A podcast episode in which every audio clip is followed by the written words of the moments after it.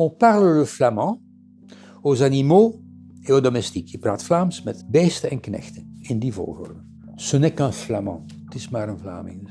Dat heb ik, ik nog gehoord. Ik heb nog gehoord een jongetje die aan zijn moeder vroeg: eh, Maar wat spreekt dat jong over mij?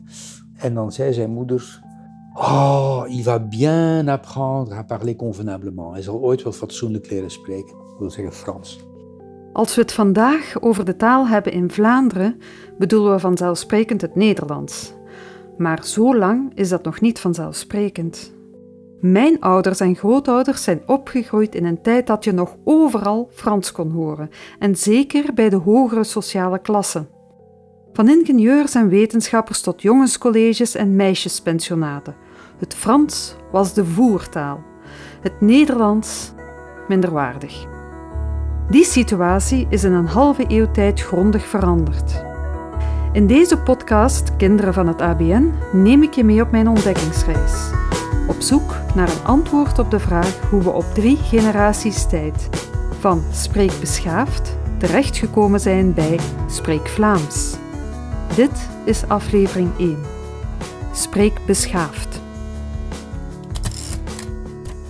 Goedenaf, heren. Jonge ijveraars voor het ABN steken de koppen bij elkaar en schrijven van een leerling van een Antwerps college. Een schrijven dat meldt dat de steller ervan in zijn omgeving een beweging voor het algemeen beschaafd Nederlands heeft uit de grond gestampt. Langs deze weg richt hij zich tot de leerlingen van de andere colleges, opdat er onder hen knapen zouden opstaan om met woord en daad voor de verspreiding van de beschaafde omgangstaal te ijveren.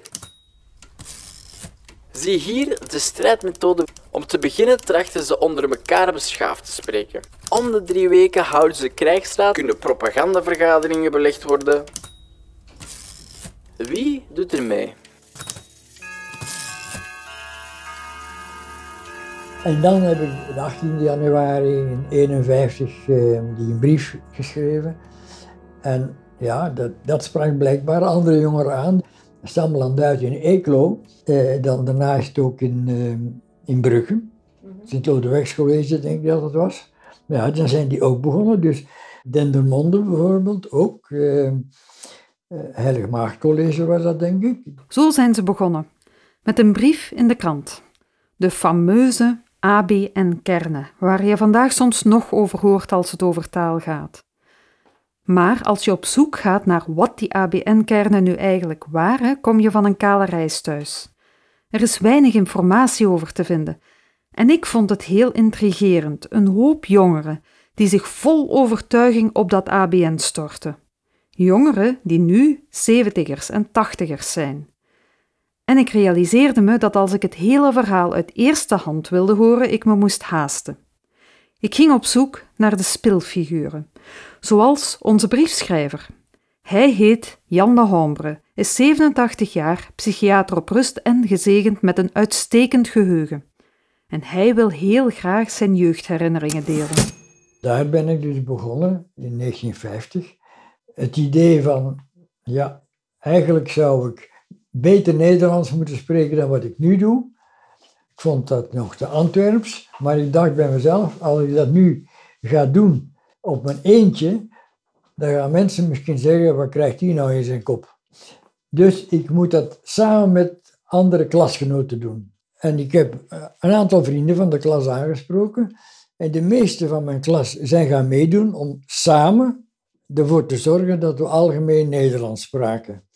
En uh, we, ik had ook afgesproken met hen dat, ik, uh, dat we elkaar konden corrigeren als ze het, als het verkeerd zeiden.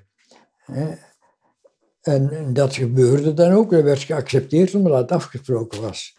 Toch bijzonder. Zo'n jonge kerel die vond dat hij te Antwerps, te plat sprak. En zelfs een deel van zijn klas gemobiliseerd kreeg om daar iets aan te doen. Dat idee moest toch ergens vandaan komen. Toen ik in de, vijfde klas zat, is de eerste veebom gevallen op Antwerpen. En dan eh, ben ik een half jaar in West-Vlaanderen bij een klein boertje ondergebracht geweest. Daar ben ik naar school gegaan. Dus ik heb een beetje West-Vlaams geleerd ook. Hm, niet alleen de bommen, maakte indruk op de kleine Jan. Toen, bij dat West-Vlaamse boerke, ontdekte hij dat zijn taal niet voor iedereen verstaanbaar was. En omgekeerd. Uiteindelijk een taal dient, om te kunnen communiceren, zodat de mensen jou kunnen verstaan. Als iedereen dialect spreekt, als de West-Vlamingen tegen mij West-Vlaams gaan spreken, dan versta ik het misschien niet of verkeerd. Ehm, dus je moet voor de communicatie een taal kunnen gebruiken die iedereen kan verstaan. En daarom dacht ik van ja, ik wil dat dus ook doen hier in Antwerpen, omdat de meesten niet echt plat, maar toch Antwerps spraken natuurlijk. Nu is wel duidelijk waar de interesse van het ABN vandaan kwam, maar niet waarom de toon van die brief meteen zo activistisch was. Laat staan waarom die oproep zoveel succes had. Krijgsraad, vergaderingen. Waarom staken zoveel jonge mensen, tieners, zoveel tijd en energie in dat ABN, dat algemeen beschaafd? Dat had te maken met eh, de situatie van Vlaanderen. En met de Vlaamse beweging was er dan activiteit geweest om dat te verbeteren. Eh, dat de Vlamingen mee eh, konden praten in hun eigen taal en, en niet alleen in het Frans aangesproken werden enzovoort. Vlaanderen zat op dat moment in de jaren 50 in een overgangsperiode. Sinds 1932 was het openbare leven, het onderwijs en de administratie in principe volledig Nederlandstalig. Maar omdat er toen nog geen taalgrens was en de regio's niet tegenover elkaar afgebakend konden worden, kon er nog wel onderwijs in het Frans georganiseerd worden op plaatsen waar er een grote groep Franstaligen woonde. En dat was nog vaak het geval in de steden. Die scholen stonden meestal veel hoger aangeschreven dan hun Nederlandstalige tegenhangers, en ze deden weinig moeite om te verbergen dat ze zich er ook ver verheven boven voelden. De Vlaamse naoorlogse jeugd, die voelde dat het tij aan het keren was, nam dat niet meer en kwam in actie. Dit is de ABN-actie.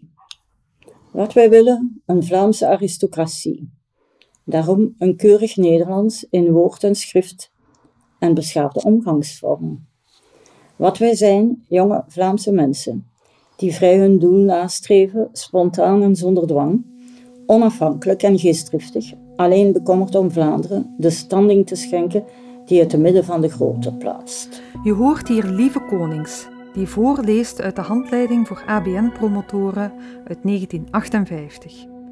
Lieve Konings is een advocate die als student een van de spilfiguren van de ABN-kernen was. Ze was zelfs een tijdje algemeen secretaris. Dat was de voorzitter van het bestuur. Want het ging inderdaad meteen hard. Op twee jaar tijd was het initiatief van Le Hombre uitgegroeid tot een beweging met provinciale afdelingen, een bestuur en een secretariaat. Wanneer Le zelf naar Leuven trekt om te studeren, draagt hij de leiding volledig over op het vriendengroepje dat rond de ABN-kernen was ontstaan en van wie de meesten ook in Leuven studeerden, zoals Lieve Konings. Het secretariaat bevond zich vanaf dan in de studentenstad en zou daar nog jaren blijven. En de studenten zijn ambitieus. Maar wat bedoelen ze precies met dat keurig Nederlands en die beschaafde omgangsvormen? Wat is beschaafd Nederlands? Hè? Dat is de standaardtaal en die wilden wij verspreiden. Maar uh, wij waren niet gericht op nog Nederland. Wij wilden overal de, de omgangstaal standaard Nederlands. Hè. Dat was ons doel. En wij vonden ook dat wij als Vlamingen uh, moesten één algemene taal hebben, zodat wij een beetje tegenwicht vormden tegen de Franse cultuur.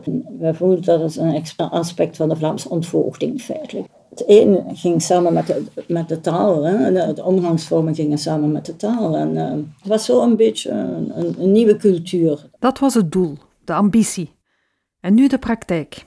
Elkaar corrigeren is één ding, maar hoe wisten ze hoe het dan wel moest? In ieder geval niet via het internet. De Nederlandse consonanten. De H goed aanblazen. Zoals in huis en haven, luister dus ook naar de S van is in dat is alles. De G van lachen. In lach dan maar. Woensdag gaan we naar de landdag van Oost.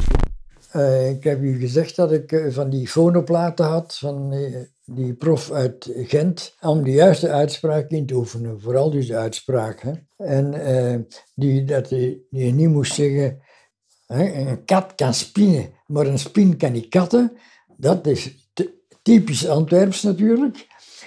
En dan kan je dus dat inoefenen. Een kat kan spinnen, maar een spin kan niet katten. Oefenen en elkaar corrigeren, dat is mooi, maar echt activistisch is het niet.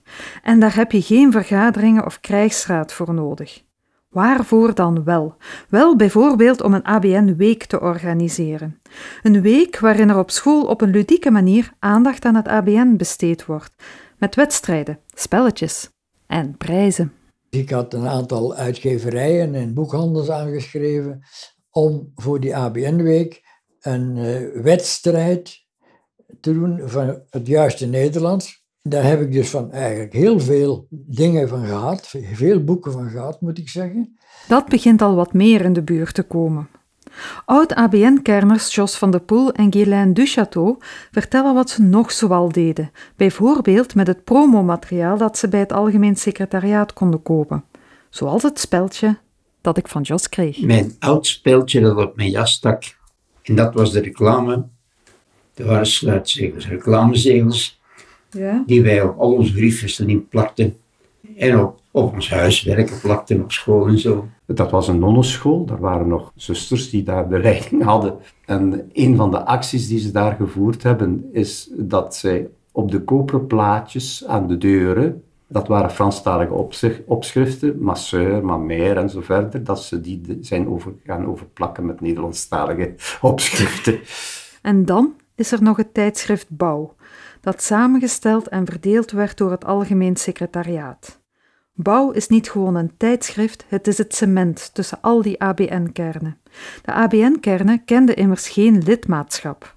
Op elke school was er een ABN-promotor die de tijdschriften en het promomateriaal verdeelde en leerlingen mobiliseerde om actie te voeren. In bouw vonden ze inspiratie. En ze konden er zelf ook stukken voor insturen. Het was dus echt een tijdschrift van studenten voor studenten.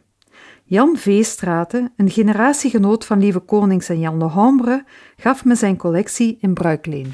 Bouw is een mooi tijdschrift. Echt van en voor de jeugd. Het is een degelijk papier, moderne vormgeving. Totaal niet amateuristisch. Um, taaltips, bandenkemels uit uw taal. Over uh, provinciebestuur, station in plaats van statie en zo verder. Nieuws van het ABN-front over de nationale contactdagen. Over dat in Limburg 15 kernen problemen van een doelmatige ABN-actie onderzochte. Taalbrievenbus van een mevrouw R. uit Tongeren, Zuid-Nederland. Indruk dat bedoelde woorden bij voorkeur niet mochten worden gebruikt. Is dat zo? Een interview met Luc Mertens, een bekende voetballer. Een verhaaltje, titel Het voorlaatste uur. Een prijskamp. En reclame van Humo. Humo is een beschaafd blad, Humo is een springlevend blad, Humo is een modern blad. De jongeren waren duidelijk niet de enigen die opkwamen voor een algemeen beschaafd, cultureel hoogstaand Nederlands. In bouw vinden we reclame van bedrijven en organisaties die de ABN-acties met veel plezier steunden, zoals Humo en de Vlaamse Toeristenbond. De ABN-kernen hadden ook goede contacten met het Davidsfonds, dat geregeld lezingen over het ABN organiseerde. Maar de ABN-kernen waren niet alleen. Een andere ABN-organisatie in die tijd is de Vereniging voor Beschaafde Omgangstaal, de VBO. Die is in 1948 opgericht door enkele academici uit Gent. Ik praat erover met Frans de Brabanderen, Kortrijksaan en voormalig docent aan de lerarenopleiding. Pas aan de universiteit heb ik vernomen dat West-Vlamingen geen G konden uitspreken. Lagere school, nooit werd daarop gewezen, nooit. Dat probleem bestond blijkbaar niet. Die ontdekking maakte veel indruk op de Brabanderen. Ze ben toen lid geworden van de Vereniging voor Beschaafde Omgestaald in 1954 dus.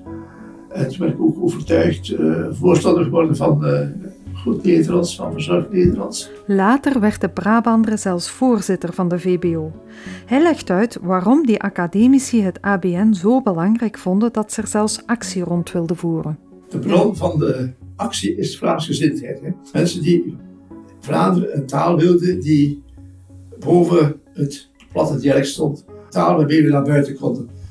aan de Brussels konden zeggen, wij spreken Nederlands en geen Vlaams. Dat was altijd het bezwaar van de Waal, de Flamand. We spreken geen Flamand, we spreken geen Vlaams, we spreken Nederlands.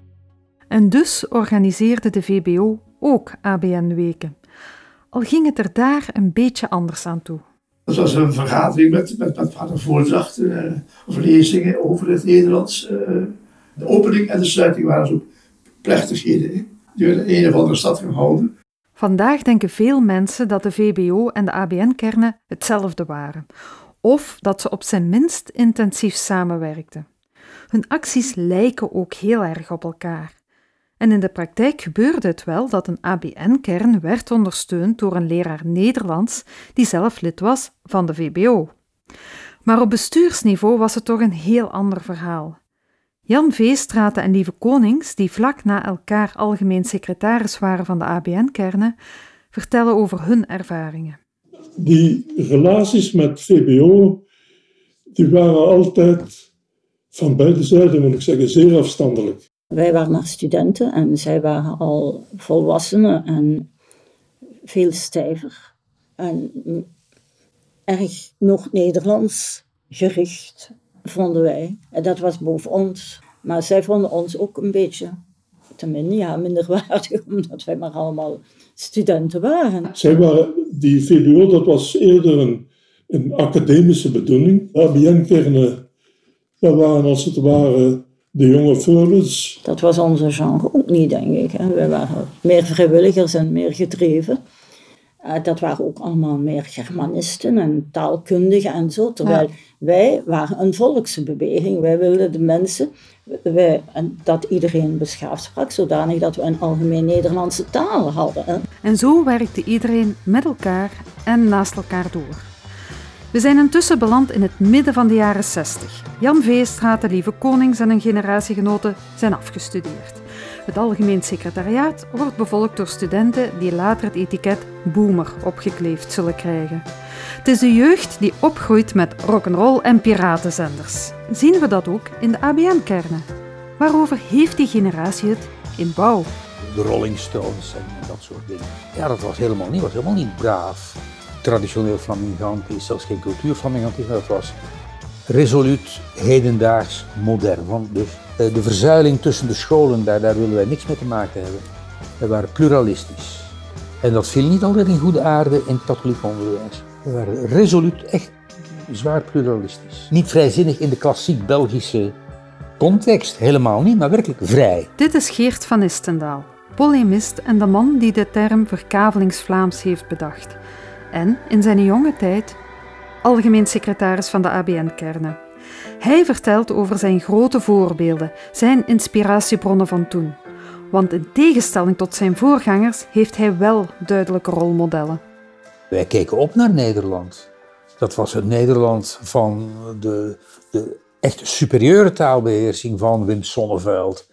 Uh, de Groot, dat was onze, een held voor ons. Wat prachtige Nederlands van hem. Toon Hermans, oeh, daar keken we naar op. Nederlands cabaret, dat, was, dat bestond niet bij ons. Beschaafd en cultureel hoogstaand Nederlands ging intussen al lang niet meer alleen over omgangsvormen of uitspraak. Dat was ook de tijd dat de, de literaire reuzenpockets van de bezige bij hier, uh, hier aankwamen. En dan, dan, dan, dan uh, verslonden wij de ene Mulisch, de andere Reven, de derde Hermans en zo meer. Een ander idool, wat Nederlands betreft, was Hugo Claus. Was geen Nederlander, woonde wel in Amsterdam. Maar als een, een, een gestampte West-Vlaming dat kan, dan kunnen de anderen dat ook. Ik bedoel, dat was, was zo'n idee. In, in Amsterdam, daar gebeurde het. En inderdaad, daar gebeurde het toen. Dat was vlak na het Provo. De Nederlandse pers met hun misselijkmakende middenstandsmentaliteit. Provo, even het geheugen opfrissen. We zitten in het midden van de jaren 60. De tijd waarin jonge mensen, vaak studenten, zich tegen de gevestigde orde verzetten. Denk aan Maarten Luther King in de Verenigde Staten en de studentenstakingen in Parijs. In Nederland zijn het de Provo's, een groep anarchistische jongeren die met hun geweldloze acties de overheid ja, provoceren. En ook de Vlaamse studenten roeren zich. Maar Vlaanderen zou Vlaanderen niet zijn als die opstand geen talig randje had. We kennen het nu als Leuven-Vlaams. De kiem voor die taalstrijd werd gelegd toen de taalgrens officieel werd vastgelegd, maar Leuven een uitzonderingspositie kreeg. De, juridische taalgrens is getrokken in 62, 63. De taalgrens is duizend jaar oud, maar, maar op, op Brussel na, Edingen en dan daar ergens achter voeren. Ze voeren in Eupen, Sippenaken en zo. Is, is er bijna niks verfranst. Dus dat is heel oud en heel vast. Eh, en dat is dan juridisch vastgelegd. En daardoor werd Vlaanderen eentalig Nederlands. En dat betekende meteen het einde van het Franstalige onderwijs in Vlaanderen. Waartegen de Franstalige bourgeoisie alle macht heeft, heeft gevochten, omdat ze dan haar uh, voorrechten verloor binnen Vlaanderen. Want dat is de taalstrijd. De taalstrijd is een klassenstrijd, hè? hoog en laag. En toen die taalgrens vast lag, was Leuven een anomalie. Want de Katholieke Universiteit Leuven bleef desondanks een Nederlandstalige en een Franstalige afdeling houden. En dat betekende dat er nog steeds Franstalige professoren met hun gezinnen in en rond Leuven woonden. En die kinderen moesten natuurlijk naar school, in het Frans. Ik herinner mij eh, dat, dat het academisch personeel, eh, sommige professoren, niet allemaal, van de UCL zich gedroegen als, als kolonialen in die stad. Iedereen moest hun taal spreken. Punt. Er was geen denken aan dat zij Nederlands zouden leren. 95% van, meer van die stad sprak Leuvens, Nederlands.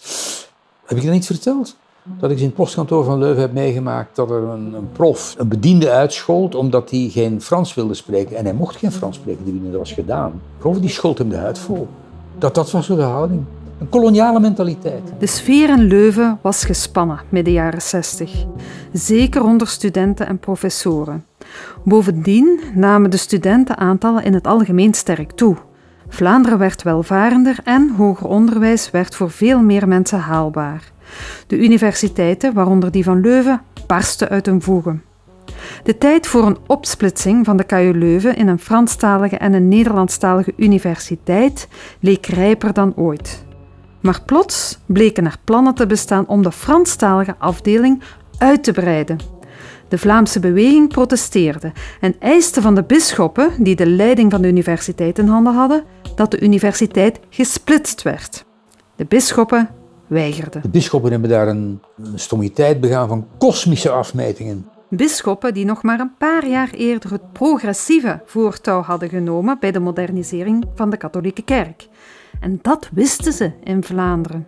13 mei 66. Dan stuurden ze eigenlijk een, een open brief aan, uh, eigenlijk aan iedereen die met de universiteit te maken had en ook aan de hele publieke opinie, waar ze de meest reactionaire, toen al achterhaalde Belgische burgerlijke Franstalige standpunten innamen. Het was heel simpel. De universiteit bleef één en ondeelbaar en niemand die ook maar iets met de universiteit te maken had, mocht daar tegenin gaan op bevel van de bisschoppen. Die verwachten dat hun studenten, opgevoed op degelijke katholieke colleges en humanioras, gewoon zouden gehoorzamen. Ze, dachten toch niet dat, dat die studenten, die inderdaad de toekomstige katholieke elite, knappe koppen, meestal jongens, uh, maar toch ook wel al wat meiden, uh, dat die, dat die uh, de krant niet lazen of zo, of niet naar de radio luisterden. Het was zo uit de tijd, dat liep dus totaal mis. dat liep dus compleet uit de hand. De open brief werd gepubliceerd op vrijdag 13 mei. Eerst bleef het rustig, omdat de doorsnee student in Vlaanderen het weekend thuis doorbracht, bij zijn ouders. Maar die rust was de stilte voor de storm. Ik herinner mij die zondagavond na vrijdag de 13e mei. kwamen studenten terug, terug eh, naar een kot uh, van moeders Pappot. En ze liepen dan, dat was iedere zondagavond zo, die liepen dus in en masse door de Bondgenotenlaan in Leuven. En toen werden er anticlericale dingen geroepen, waar, waar, waarvoor ze bij de ULB zich zouden schamen. En het bleef niet bij roepen. Op 15 januari 68 gooien Vlaamse studenten de inboedel van het rectoraat op straat. Ze zijn woedend omdat de Franse afdeling van de universiteit besloten heeft in Leuven te blijven. Even, uh, er was een studentenstaking en de professoren keurden dat goed. Ongehoord. En, uh, en, en dus die, die, die prelaten die de universiteit leiden, uh, met twee D's, die stonden daar met totaal onbegrip en afgrijzend naar te kijken. Dat gleed helemaal tussen zijn vingers door. De weken en maanden erna verspreidde het protest zich over heel Vlaanderen. Er kwamen studentenstakingen en betogingen. De zwaarste rellen vonden begin 68 plaats in Leuven. Lang verhaal kort, de regering is gevallen, de bisschoppen moesten bakzeil halen en in februari 1968 was de strijd gestreden. De KU Leuven werd eentalig Nederlands en de Franstalige afdeling verhuisde naar de nieuwe campus Louvain-la-Neuve in Waver. Nu, wat hebben de ABN-kernen hiermee te maken? Op zich weinig. Het is niet zo dat ze opgeroepen hebben om mee te doen aan de demonstraties. Maar de ABN-kernen en Leuven-Vlaams zijn wel allebei het resultaat van dezelfde tijdsgeest. Van de drang om zichzelf en de eigen omgeving te verbeteren, een zekere status op te eisen en daarin erkend te worden. Om, zoals de ABN-kernen het zelf al zeiden, Vlaanderen de standing te schenken die het midden van de grootte plaatst. De ABN-kernen, dat initiatiefje van een 16-jarige collegestudent die beter Nederlands wilde spreken, bestaan intussen bijna 20 jaar. Terwijl onze boomers afstuderen, wil ik wel eens weten hoeveel mensen in die periode actief waren bij de ABN-kernen. Maar het is niet zo eenvoudig om dat te achterhalen, want er waren geen leden en dus ook geen ledenlijsten. Gelukkig heb ik van Lieve Konings documenten uit de ABN-periode gekregen waarin wel enkele veelzeggende cijfers te vinden zijn. In het dienstblad voor de ABN-promotoren 1961-1962 is er sprake van ongeveer 400 kernen. Het jaarverslag van het Centraal Secretariaat van het schooljaar 1963-1964 meldt meer dan 400 kernen en bouw verschijnt dat jaar vijf keer op 13.000 exemplaren en tijdens, tijdens de ABN-week op 16.000 exemplaren. Wow, dat is een bereik waar velen maar van kunnen dromen. En dat rond een onderwerp dat op dat moment op zijn minst politiek gevoelig lag. Dan ligt de volgende vraag voor de hand. Hoe zat het met subsidies? Je zou toch denken dat een organisatie die zoveel jongeren bereikt en ertoe aanzet zich te verheffen en beschaafd te spreken, van de overheid steun krijgt. Jan Veestraten is formeel. Wij kregen aanvankelijk niets, niks van subsidies. En dat voelt natuurlijk heel oneerlijk aan. Zeker omdat een organisatie als de Vereniging voor Beschaafde Omgangstaal, ondanks het kleinere bereik, wel steun kreeg. De opvolger van Veestraten besloot dan maar zelf in actie te komen. Die schreef dan een brief van, uh, dat we vragen hadden dat uh, die ABN-kernen bijna geen subsidie kregen. De brief aan de minister van Nederlandse Cultuur miste zijn effect niet. Eerst kwam er een kleine subsidie, een vast geldbedrag. En enkele jaren later, in de tijd van Geert van Istendaal... Toen is er ook op het secretariaat een vaste kracht gekomen. En dan nog later uh, zijn er, en dat was zeker dat was gedetacheerd van het ministerie van Onderwijs, zijn er vaste krachten gekomen. Die vaste krachten zijn inderdaad gedetacheerde leerkrachten, die tijdelijk voor de ABN-kernen werken. Ja, die gingen veel meer proactief te werk. Wel, die gingen ook, ook, ook uh, leraar, leraressen en leraars Nederlands opzoeken. Zijn er verschillende geweest, uh, die vrijgestelden. Maar dat heeft eigenlijk nooit goed gefunctioneerd. Iedereen deed er vrijwilligerswerk. Werd niemand, niemand betaald. De enige vergoeding die de vrijwilligers, de studenten dus, kregen, was de terugbetaling van de reiskosten wanneer ze uitgenodigd werden om op een school over de ABN-kernen te komen spreken. Maar dat deden de gedetacheerden ook. En zij kregen er natuurlijk wel een loon voor. Ja, en zei die, die, die meisjes en jongens, ja, wat, wat zitten we hier te doen en waarom moeten wij dat gratis doen? En uh, de dieren krijgt daar geld voor. Het lijkt erop dat Veestraten gelijk heeft gekregen. Tijdens mijn onderzoek naar de ABN-kernen kwam ik vrij snel terecht bij mensen als Le Hombre, Veestraten, Konings, Van Istendaal en andere ABN-kerners uit de jaren 50 en 60. Maar voor de generatie na onze boomers ligt het anders. Bij gebrek aan namen en documenten ben ik naar het Universiteitsarchief van Leuven gegaan. Daar worden nummers van het tijdschrift Bouw uit de jaren 70 bewaard. Ik ben erin op zoek gegaan naar de namen van de algemeen secretaris en de hoofdredacteur, net zoals dat in de oude nummers het geval is. Maar dat levert enkele verrassingen op. Ik ontdek dat de ABN-kernen in de jaren 70 geleid werden door Heidbugel en Florquin. Twee coryfeeën van de ABN-acties, maar op dat moment allebei allesbehalve studenten. En de hoofdredacteurs op hun beurt zijn gedetacheerden. Bouw zelf is veranderd van een activistisch tijdschrift van en voor studenten in een didactisch tijdschrift voor leraren Nederlands, netjes verdeeld in een reeks voor het lager onderwijs, Boutje, voor het lager middelbaar onderwijs, Bouw, en voor het hoger middelbaar onderwijs, Bouw verder. Het laatste nummer verschijnt in 1979 en de laatste gedetacheerde hoofdredacteur is de latere acteur Gert Leij. Ik mail hem met vragen over die periode en hij laat er geen twijfel over bestaan. Waarde met ons. Vanaf het begin van mijn detachering was het duidelijk. Ik werd ingeschakeld omwille van de palliatieve zorgen voor de ABN-kernen. Er kwamen begin tachtiger jaren geen nieuwe kernen bij, en daarom stopten de bestaande kernen met hun activiteiten en bijgevolg ook de reden van hun bestaan. Alle universiteiten in Vlaanderen zijn intussen eentalig Nederlands. Studenten zijn niet meer gemotiveerd, de ene na de andere ABN-kern verdwijnt. Het ABN-activisme bij de jeugd is volledig verdwenen.